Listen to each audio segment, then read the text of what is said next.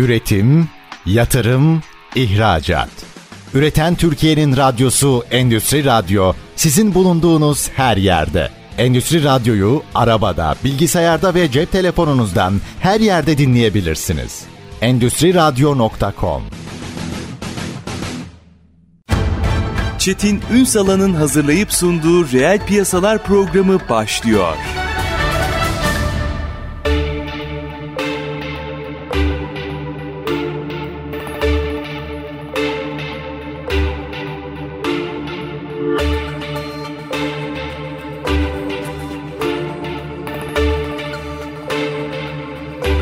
Reel piyasalardan merhabalar. Türkiye'nin gerçek gündeminde birlikteyiz efendim. Bugün hazır giyim ihracat ilişkisini konuşacağız. Bu ikiliyi yan yana koyduğunuzda aslında alt başlıklarında o kadar çok mesele var ki. Bir kere Türkiye için en kritik sektörlerden biri. Bunun altını çizelim. Hem ihracat açısından hem istihdam açısından. Fakat önünde süreç çok farklı. İhracat pazarlarında etkin oluyorlar. Etkin oldukça bir takım bir taraftan regülasyonlar geliyor. Sürdürülebilirlik konuşuluyor. Döngüsel ekonomi konuşuluyor. Dijitalleşme konuşuluyor. Nitelikli insan kaynağı. O kadar çok alt başlıkları var ki bir ihracatçı aslında hem de 2023'te bütün raporlamaların özellikle ikinci yarısından itibaren pazarda, dünya pazarında daralma beklediği bir süreçte stratejilerini nasıl oluşturuyor merak ediyoruz. Biz bütün bunları konuşacağız. Bugünkü konuğumuz Ege Hazır Giyim ve Konfeksiyon İhracatçıları Birliği Başkan Yardımcısı Sayın Seray Seyfeli. Sayın Seyfeli yayınımıza hoş geldiniz efendim.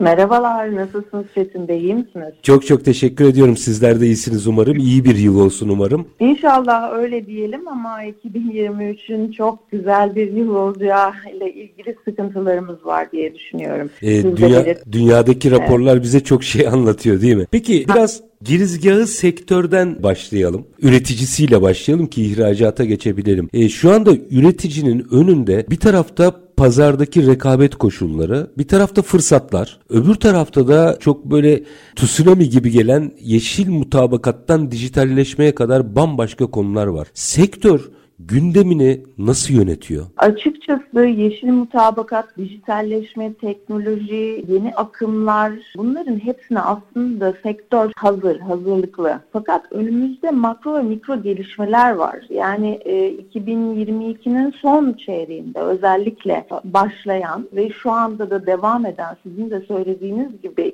2023'ün ilk çeyreği maalesef ki küçülmeyle devam edecek. Küresel boyutta senaryolara da baktığımızda özellikle JP Morgan'ın küresel üretim PMI'yi yeni sipariş oranlarının düşmesini bekliyor. Böyle olunca tabii ki küresel üretimdeki düşüşte yoğunlaşacak demek oluyor. Bunu destekleyen başka bir veri daha var. Dünya Ticaret Örgütü'nün 2023 yılı öngörüleri. Bu öngörüler de tabii ki değer olarak büyümeyi Amerikan doları olarak tabii ki yüzde eksi 4 diyor.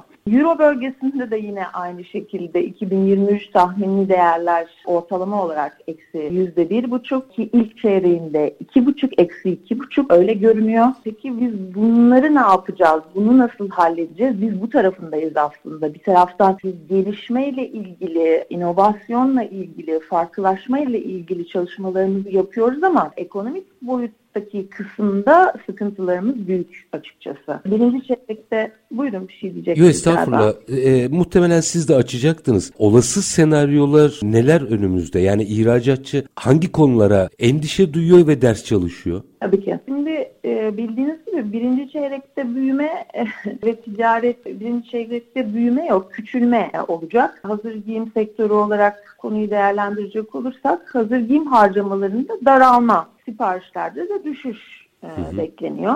İhracatta düşüş olarak karşımıza çıkıyor. 2023'ün de ikinci çeyreğinde de yine durağanlık devam edecek gibi görünüyor. Ticarette küçülme devam edecek gibi görünüyor. Hazır giyim sektörü olarak da yine durağan bir döneme gireceğiz. Yani birinci çeyrek ve ikinci çeyrekte durum böyleyken üçüncü çeyrekte ancak küçük bir açılma bekliyoruz. E, fakat ilk 6 ayını kaybetmiş bir sektörün toparlanması ve çarklarını döndürmeye başlaması biraz zor olacak gibi görünüyor.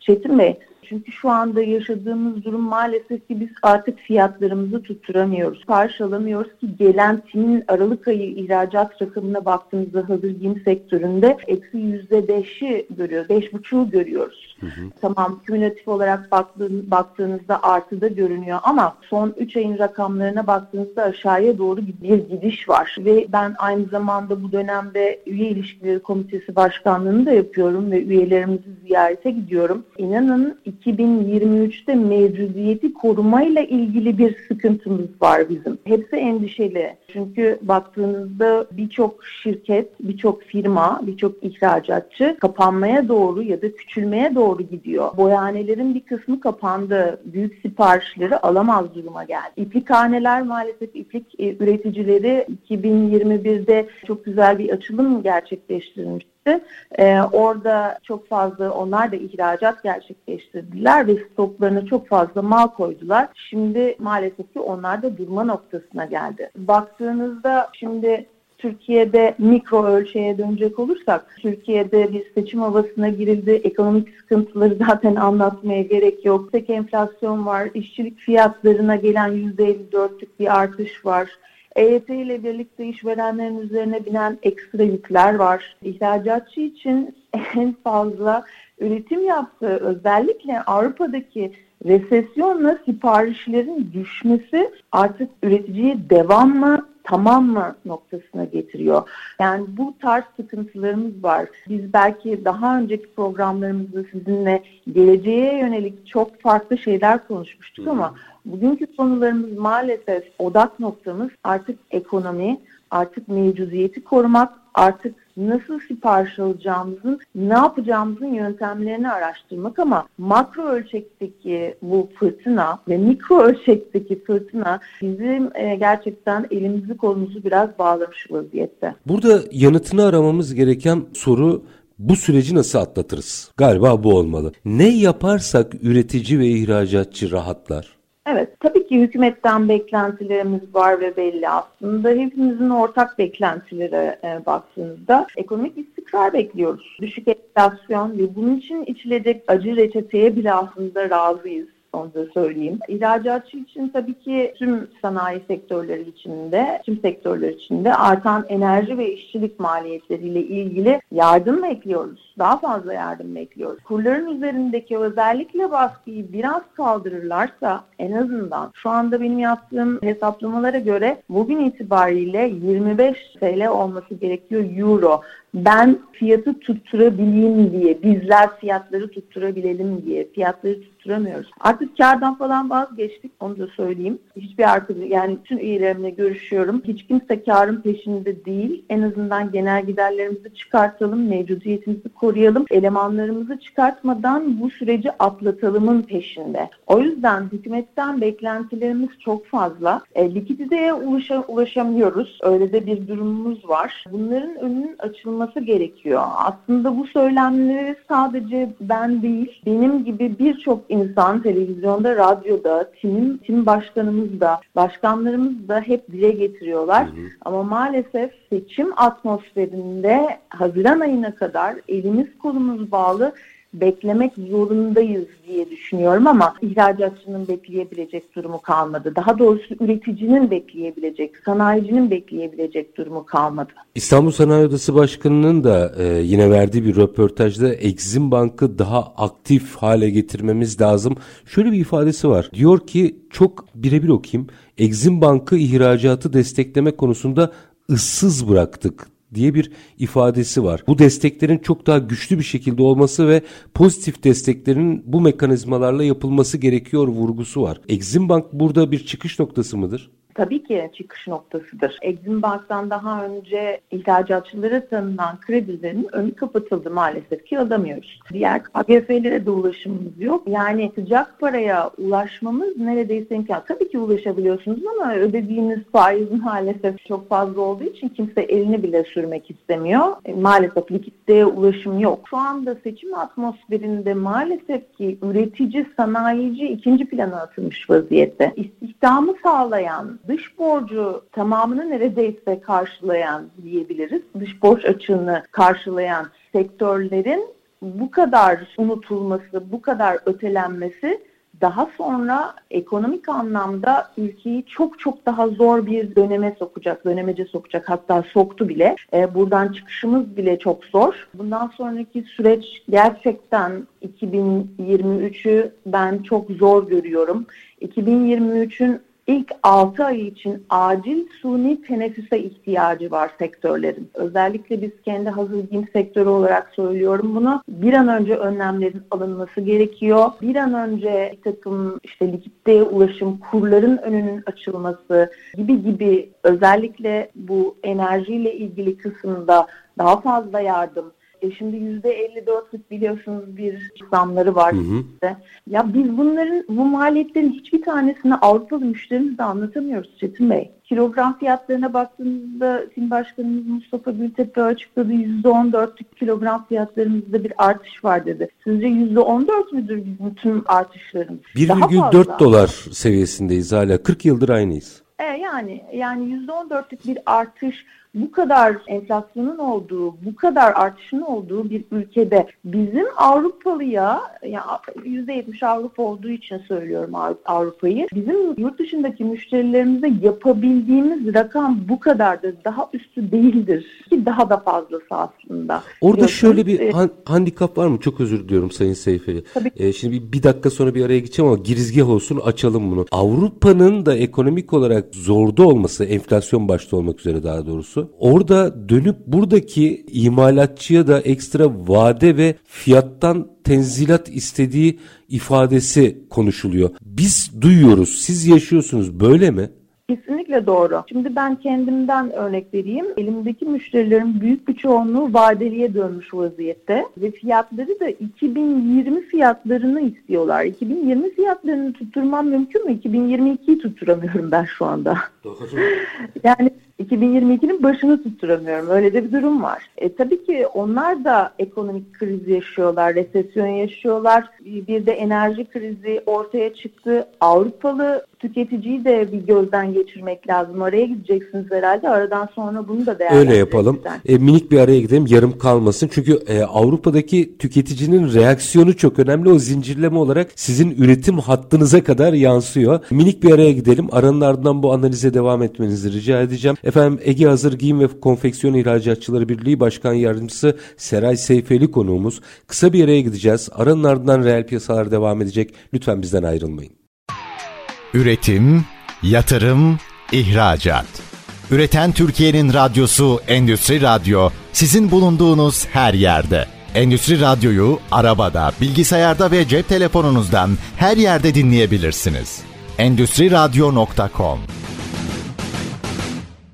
Kısa bir aranın ardından reel piyasalarda tekrar sizlerle birlikteyiz. Konuğumuz Ege Hazır Giyim ve Konfeksiyon İhracatçıları Birliği Başkan Yardımcısı Seray Seyfeli. Şimdi Sayın Seyfeli çok net bir fotoğraf çekiyorsunuz. Özellikle Avrupa'daki tüketiciye atıfta bulunarak virgül atmıştık. Hadi virgülü kaldıralım oradan devam edelim. Peki. Şimdi zaten 2022'de yaşanan bir sürü kriz var biliyorsunuz. Hı hı. İşte Rusya-Ukrayna savaşı, Euro bölgesinde yaşanan enerji krizi. Onlar da tabii ki enflasyonla başa çıkmaya çalışıyorlar ki hani bizim yaşadığımız enflasyonla onların yaşadığı enflasyon arasında dağlar kadar fark olsa da onlar biraz daha korumacı, hemen anında önlemlerini alan bir yapıya sahipler. Zaten dünya çok karmaşık. Bu karmaşık dünya kavramı çıktı bir de üstüne. Çünkü çünkü bu sosyal medyada özellikle internet mecrasında markalar daha fazla satmak için insanların hafızasında, zihninde, algısında yer etmeye çalışıyor. Bir taraftan çok fazla harca diyen bir alan var. Bir taraftan da onu korkutan, tedirgin eden işte gıda krizi, ekonomik kriz,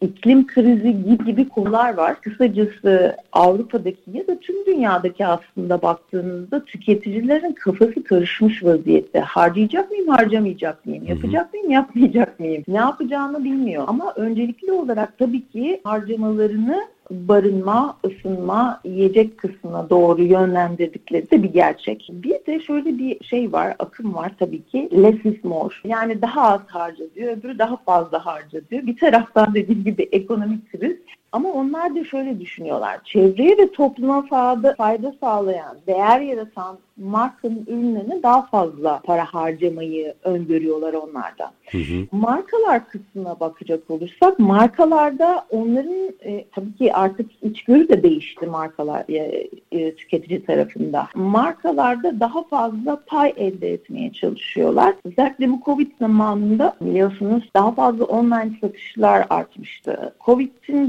bitmesiyle beraber insanlar sokaklara çıktı ve mağazadan alışveriş yapmak daha önemli hale geldi. Çünkü orada bir kısıt yaşamışlardı. Doğru. Şimdi elle tutarak, dokunarak, yiyerek, deneyerek yapıyorlar bu alışverişlerini. Markalar stoklarında bir kısım mal bıraktılar. İşte markaların elinde kalan stoklar da aslında şu anda bizi biraz etkiliyor. Onlar da korumacı tavra daha fazla eğilim gösteriyorlar. Çünkü bu süreçten kurtulabilmenin başka bir yöntemi yok. Bütçenizi iyi yapacaksınız, fazla harcamalarını keseceksiniz, daha korumacı bir tavra bürüneceksiniz. Markalar tarafında da böyle. Ben bundan sonraki süreçte markaların daha az model ya da daha çok model de olabilir ama zannetmiyorum. O da bir şey çünkü maliyet.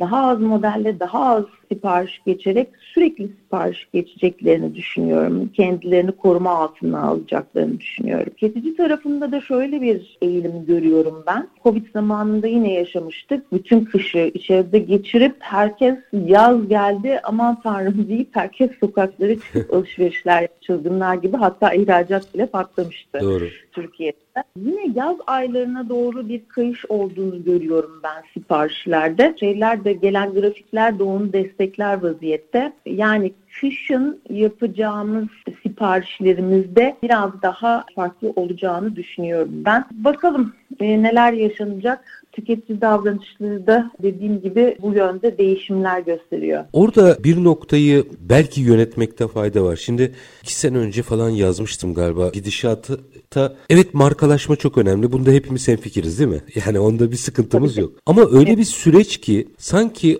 optimum ürün üretenin karlı çıkacağı ve uzun vadede markalaşacağı bir sürece giriyoruz diye yazmıştım o dönemde. Şimdi o döneme girdik ama buradan açılım sağlamanızı rica edeceğim. Dayanıklı, tabii ki koşullara uygun ve uygun deyince de şimdi uygun uygun fiyat deyince de herkes yanlış anlıyor. Değerinde fiyatla optimum ürünler pazarının büyüyeceğini düşünüyorum ben. Yani kullanatlar bitti artık. Oraya oynayabilirsek zaten 7-8 senenin sonunda bu süreç bir 10 sene sürecektir dünyada eğilim olarak. 7-8 senenin sonunda zaten markalarda köşe kapmış olmaz mıyız diye size sorayım bir strateji açalım hadi. E, kesinlikle doğru. Şimdi az önce de söyledim. Tüketiciler artık e, fayda sağlayan, değer yaratan, sosyal topluma faydalı olan markalara doğru yöneliyorlar. Sosyal fayda yaratan markalara doğru yöneliyorlar ve onlara para harcama ile ilgili bütçe ayırmayı önemsiyorlar. Çünkü bu iklim krizi, gıda krizi dediğimiz alan Avrupalı özellikle tüketicilerin önemli bir noktası. Ama şimdi tabii ki ekonomik kriz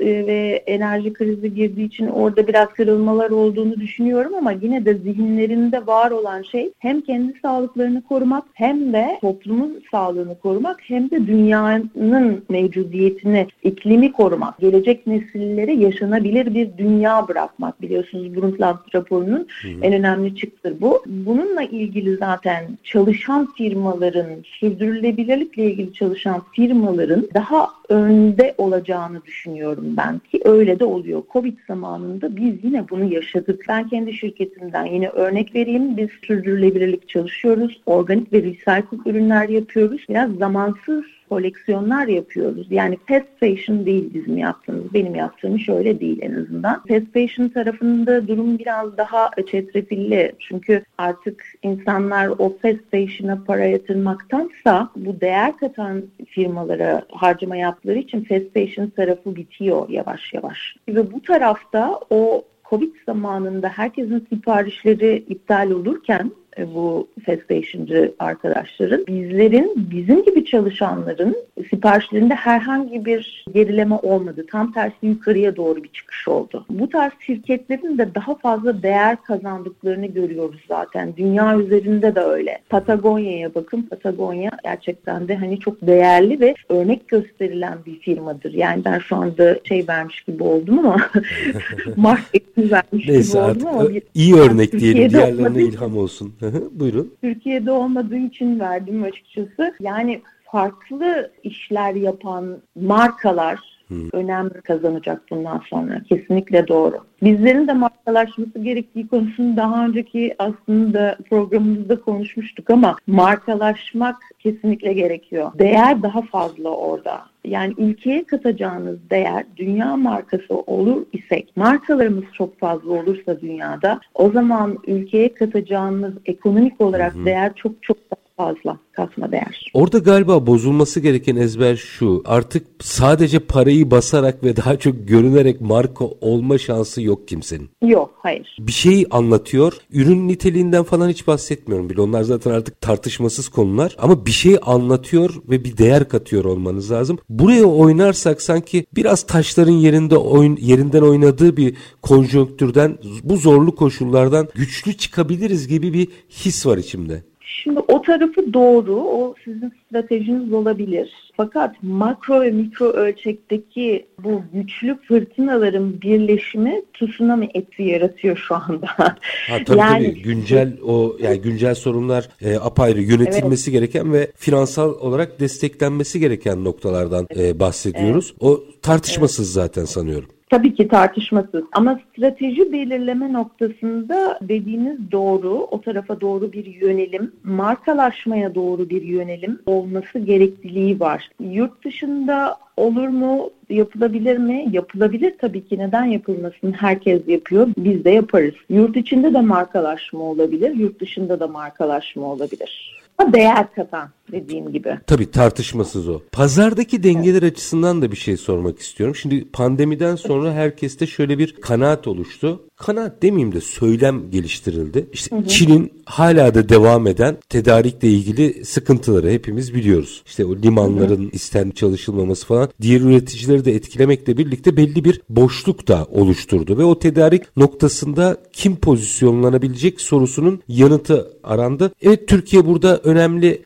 şanslara sahip. Sahipti sahip hala da ama ölçeğimiz tutmuyor. Biz farklı bir üreticiyiz. Şimdi hem oradaki o açığa çıkan tedarikten kalıcı olarak faydalanmak. Çünkü bu da aynı zamanda size bir finansal rahatlık getirecektir. Çünkü birilerinin ihtiyacı var ve o açık orada karşılanamıyor. Ama öbür taraftan da gereksiz kapasite yatırımlarına girip bir de maliyetleri yükseltmeme noktasını nasıl dengelemesi gerekiyor üreticinin? Şimdi Çetin Bey kapasite işte kullanım oranlarının aşağıya düştüğünden bahsediyorum ben bu eksi yüzde beş buçukla aslında. İşte beni korkutan ee, o havuçla yeni kapasite yatırımları. Yok o şöyle Çin'deki o kap, yani Çin'den Avrupalı'nın biraz daha geriye dönüşü bu Covid sürecinde ve sonrasında yaşananlarda aslında yavaş yavaş müşteriler bizim yapabileceğimiz kapasitede yani Türkiye'nin yapabileceği kapasitede kapasite artırımı da yapılırdı. Hiç sorun değil. Yavaş İş olsun yeter doğru da, ki. Tabii. İş olsun yeter ki. Hiç sıkıntı yok. Çünkü büyümek çok kolay. Küçülmek daha zordur. Kesinlikle. Yani büyütülebilirdi fakat biz o treni kaçırdık diye düşünüyorum ben. Çünkü fiyatla ilgili sıkıntımız var. Kurlar bu kadar tutulmasaydı, serbest kalsaydı ki bugün söylüyorum 25 lira olması gerekliliğini, serbest kalsaydı evet ekonomik başka tedbirler alınmış olsaydı biz şu anda ihracatta Çin'in küçük de demin de orta ölçekli bir versiyonu olabilirdik. Ama şimdi fiyatı tutturamadığımız bir ortamda nasıl Çin'den sekecek olan siparişleri alacağız. Biz normal siparişlerimizin fiyatını tutturamıyoruz Çetin Bey. Yani Doğru nasıl olacak bu iş? Burada yine bir hadi beyin fırtınası yapalım. Sorun çok ortada çünkü belli başlı firmalarımız var zaten bunlar ihracatçı ve sizler yani bir noktaya kadar gidiyorsunuz. Ama çok sayıda firmamız da var küçük firmamız var. Bunların birleştirilebilmesi için tam zamanı değil mi? Artık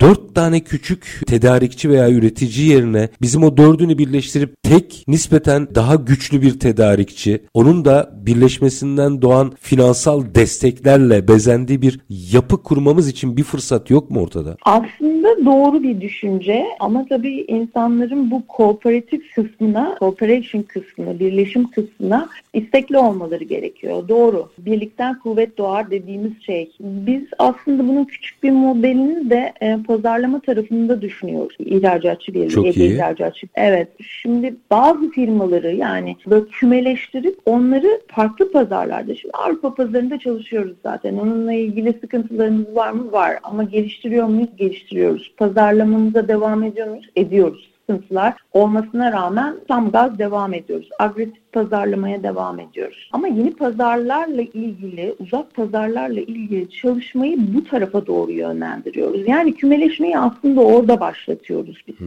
Dediğiniz model güzel bir model. Bence bundan sonraki süreçte insanlar zaten birbirleriyle bu tarz birleşimlere doğru gitmek zorunda kalabilir. Bilmiyorum hani ne kadar başarılı olur, ne kadar insanlar yapmak isterler orasını bilmiyorum açıkçası ama doğru bir model olabilir. Belki teşvikleri, kredileri de bu yöne yönlendirirsek iştah açıcı olabilir. Birleşenlere yönlendirirsek. Teşvikler yani olabilir tabii ki. Olabilir. Kısa bir araya gideceğiz. Aranlardan şu pazarlama stratejisini biraz açmanızı rica edeceğim. O ilginç geldi. Çünkü dün de bir telefon bağlantısında Moda Hazır Giyim Federasyon Başkanı Hüseyin Öztürk de ifade kullanmıştı. Türkiye'nin yeni bir pazarlama stratejisine ihtiyacı var hazır giyimde demişti. Belki söylediğiniz model o olabilir. O modelin biraz daha ayrıntılarını aktarmanızı rica edeceğim. Ama minik bir araya gidelim aranın ardından. Efendim Ege Hazır Giyim ve Konfeksiyon İhracatçıları Birliği Başkan Yardımcısı Seray Seyfeli konuğumuz. Hazır giyimi tüm yönleriyle üretici ve ihracatçının durumunu çok net ortaya koyuyor Sayın Seyfeli. Bir yandan durumu ortaya koyuyoruz, sorunları paylaşıyoruz. Bir yandan da nasıl çözülebilir beyin fırtınasında bulunuyoruz. Minik bir ara, aranın ardından reel piyasalar devam edecek. Lütfen bizden ayrılmayın.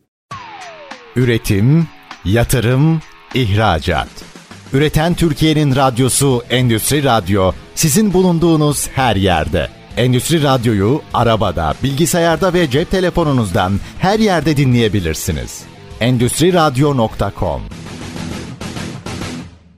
Kısa bir aranın ardından reel piyasalarda devam ediyoruz birlikteliğimize. Ege Hazır Giyim ve Konfeksiyon İhracatçıları Birliği Başkan Yardımcısı Seray Seyfeli konuğumuz. Sayın Seyfeli araya gitmeden önce özellikle alternatif pazarlarda ortak pazarlama stratejilerinden bahsettiniz. Onu açarsanız sevinirim. Ben bir iki boyut daha katayım ne olur onları da değerlendirin. Çünkü günün sonunda finansmana ihtiyacımız var. Pazara olduğu kadar, satışa olduğu kadar giderlerimizi de azaltmaya ihtiyacımız var. Mesela ham madde başta olmak üzere birçok noktalarda da tıpkı bu biraz sonra ayrıntılarını rica edeceğim. Pazarlama stratejisinde olduğu gibi ortak satın almalar, ortak hareketler de geliştirilebilir mi? Fikrinizi merak ederim. Şimdi bu ortak pazarlama kısmını biz genellikle daha uzak pazarlar için düşünüyoruz. Çünkü hı. uzak pazarlara hem ulaşım hem de giderleri, maliyetleri çok yüksek ve Amerika gibi özellikle şimdi Avustralya'yı da konuşacağız çok yakında.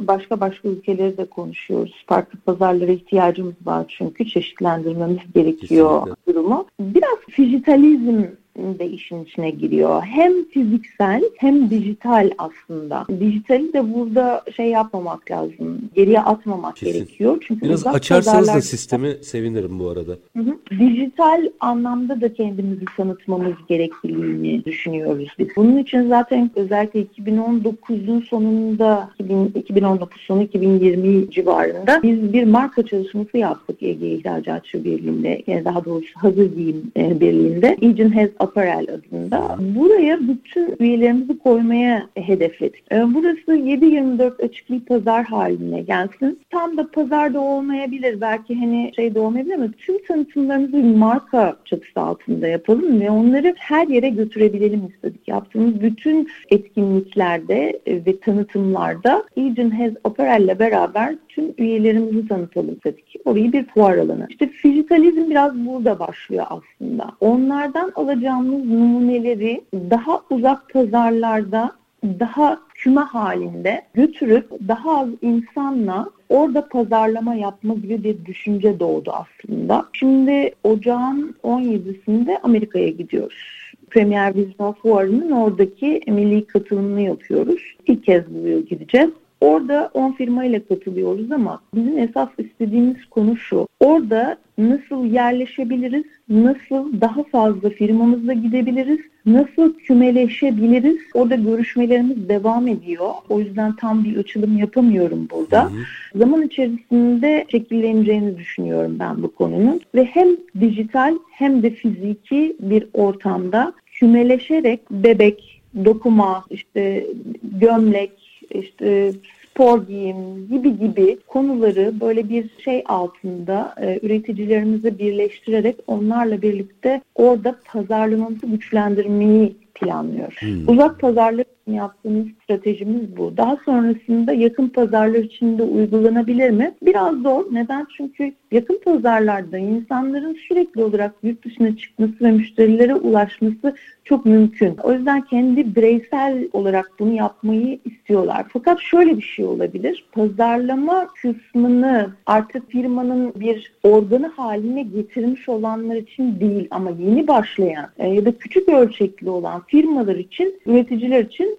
bu birleştirme yapılırsa çok iyi olur. Bu da düşüncelerimiz arasında. Sonuçta alınabilir muhtemelen. Bu arada bu ortak satın alma ham madde başta olmak üzere ortak satın almalarda bir strateji söz konusu olabilir mi? etmiyorum. Yani biz şöyle bir şey yapıyoruz aslında biz. Aynı markaya çalışıyor isek aynı bölgemizde far, bazen farklı bölgeden de olabiliyor. Birleştirerek aynı üreticiden almayı tercih ediyoruz aslında. Bu çok yapılmayan bir şey değil. Hmm işte 3-5 üreticiye aynı marka gidiyor ve biz zaten birbirimizi tanıdığımız için aynı markaya da hizmet ettiğimiz için aynı kumaşçıdan, aynı boyanede ya da aynı aksesuarcıdan ya da farklı farklı konularda o tedariklerimizi birlikte sağlıyoruz. Ama bunun için insanları hani birleşin ve böyle yapın gibi bir tavırda olmamız çok doğru olmaz. Çünkü her birinin istekleri ve ihtiyaçları farklı olduğu için hepsinin ihtiyaçlarının aynı olduğu ortamda, aynı kalitede, aynı özellikte olması gerekiyor bunu yapabilmek için. Bir noktayı daha açalım. Şimdi e, günün sonunda ne durumdayız bilmiyorum o yüzden size soracağım. Şu yurt dışındaki böyle zorlu koşullar bunu çok daha besleyecek argümanları da beraberinde getirir. Yurt dışında birbirinin salt fiyat olarak altına girme alışkanlığından vazgeçebildik mi? Geçememişiz Bence, gülüşünüzden onu anlıyorum. Bence geçemedik. Öyle bir durum söz konusu var. Çünkü bakın zaten bu olmaz. Yani ne olacak? Bir tişörtün fiyatı atıyorum 5 lira mı diyeceğiz herkes? 5 lira mı diyecek yani? Böyle bir şey olamaz. Yani herkesin fiyatlama stratejisi farklı. O yüzden bunu zaten yapmak mümkün değil ama şöyle bir konu var. Benim rahatsız olduğum aslında bir konu. Türkiye'de bölgeler arasında fiyat farklılıkları var. Biraz açın yani, lütfen. Şimdi e, biz tabii ki yurt dışıyla fiyatla ilgili atıyorum Portekiz'le, Çin'le, efendim Bangladeş'le bir orayla burayla zaten hani bir savaşıyoruz. Ama Türkiye'de de işte Doğu bölgesine tanınan teşviklerden dolayı Doğu bölgesinde yapılanan firmalardan çıkan fiyatlarla işte Batı tarafından çıkan fiyatlar arasında fark var. Yani e, biz zaten yurt dışındaki şeylerle savaşırken, fiyatlarla savaşırken bir de yurt içindeki Doğu Batı arasındaki farklılıklarla da savaşmaya başlıyor. Yani teşvikleri orada daha yoğun olduğu için 6. bölge özellikle. Hı hı. 6. bölgede daha yoğun olduğu için e, orada fiyat avantajını yakaladıklarından dolayı daha uygun fiyatlara verebiliyorlar. İstanbul'la bizim aramızda bile fiyat farkı var. Yani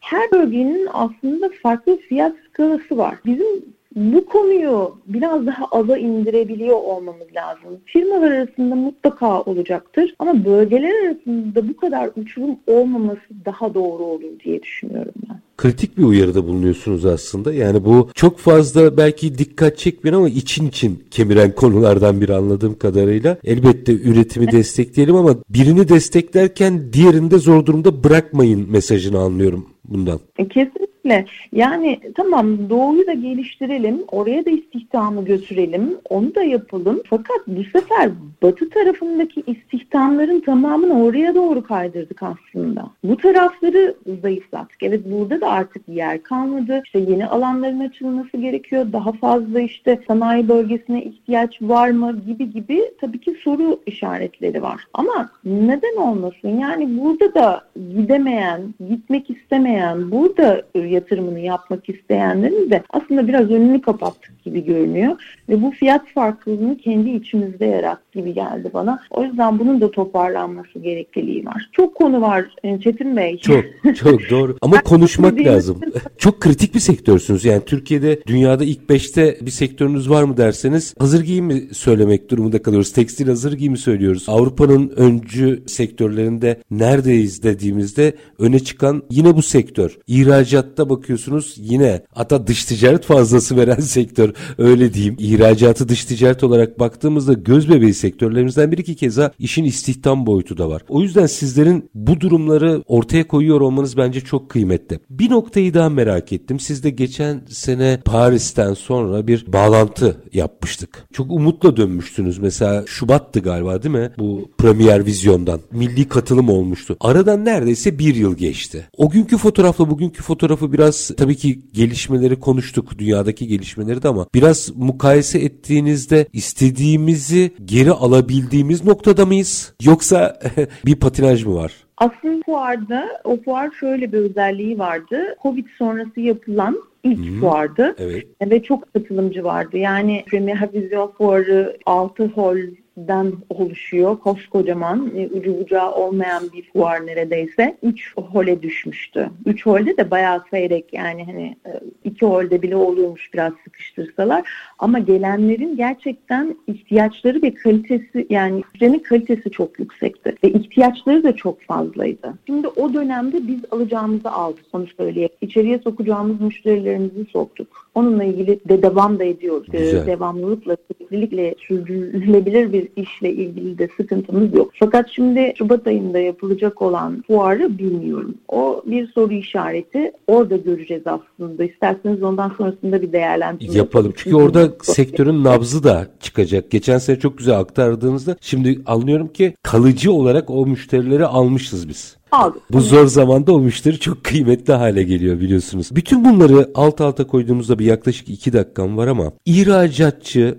bir kez de altını çizmek anlamında soruyorum bunu. İki dakikada özetlerseniz sevinirim. Üretici özellikle ama onun da ötesinde ihracatçı şu anda neye ihtiyaç duyuyor, ne yaşadığını çok güzel anlattınız. Ne yaparsak bu süreci atlatabiliriz. Bu atlatılması gereken bir süreç. Neye ihtiyacınız var? Öncelikle kurları lütfen bıraksınlar. Yani o kurlara ihtiyacımız var. Likiditeye ulaşımla ilgili söylemiştim. Exim Bank'ın kredilerine acil ihtiyacımız var. Suni teneffüse acil ihtiyacımız var. Çünkü 2023'ün o 6 ayı hiç kolay geçmeyecek. Ondan sonrasında zaten biraz dağılmış olacağız. O dağınıklığı toparlayabilmek için hatta dağılmamak için, mevcudiyeti korumak için acil önlemlere ihtiyacımız var. Enerjiyle ilgili yapılmış olan bir indirim var ama daha fazlasına ihtiyacımız var. Teşviklere ihtiyacımız var. Bakın üretici zor durumda. Sanayi eğer zor durumdaysa ülkenin ekonomisinin nasıl daha iyiye gitmesi planlanabilir ki? En önemli konumuzun bu olması gerektiğini düşünüyorum ben. Biz daha çok çalışmaya ve ülkemize katkı sağlamaya hazırız aslında. Yani az önce de söylemiştim konunun başında. Elimizi değil kolumuzu taşın altına koyarız. Gerekirse yine valizlerin içerisinde bir yaşam yurt dışına gider ve gidiyoruz zaten. Daha fazla gideriz ve müşteriyi alırız ama içerideki ekonomik durumu eğer düzeltemezsek ve bu sorunları aşamazsak makroda dünyada yaşanan sorunları da üzerine eklersek işin içinden çıkılmaz bir hal olmaya başladı ve elimiz kolumuz bağlı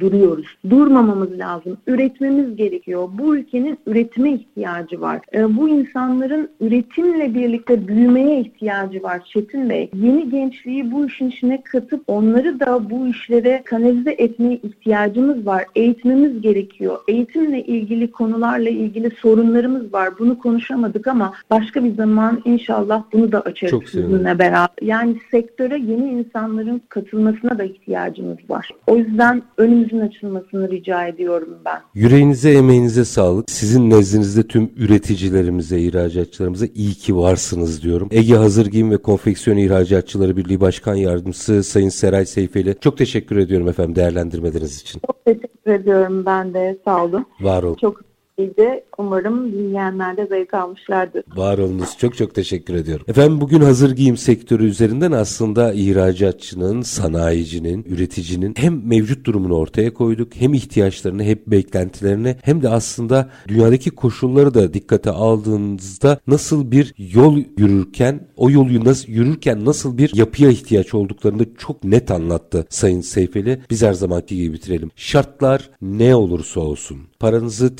ticarete, üretime yatırmaktan, işinizi layıkıyla yapmaktan ama en önemlisi vatandaş olup hakkınızı aramaktan vazgeçmeyin. Hoşçakalın efendim.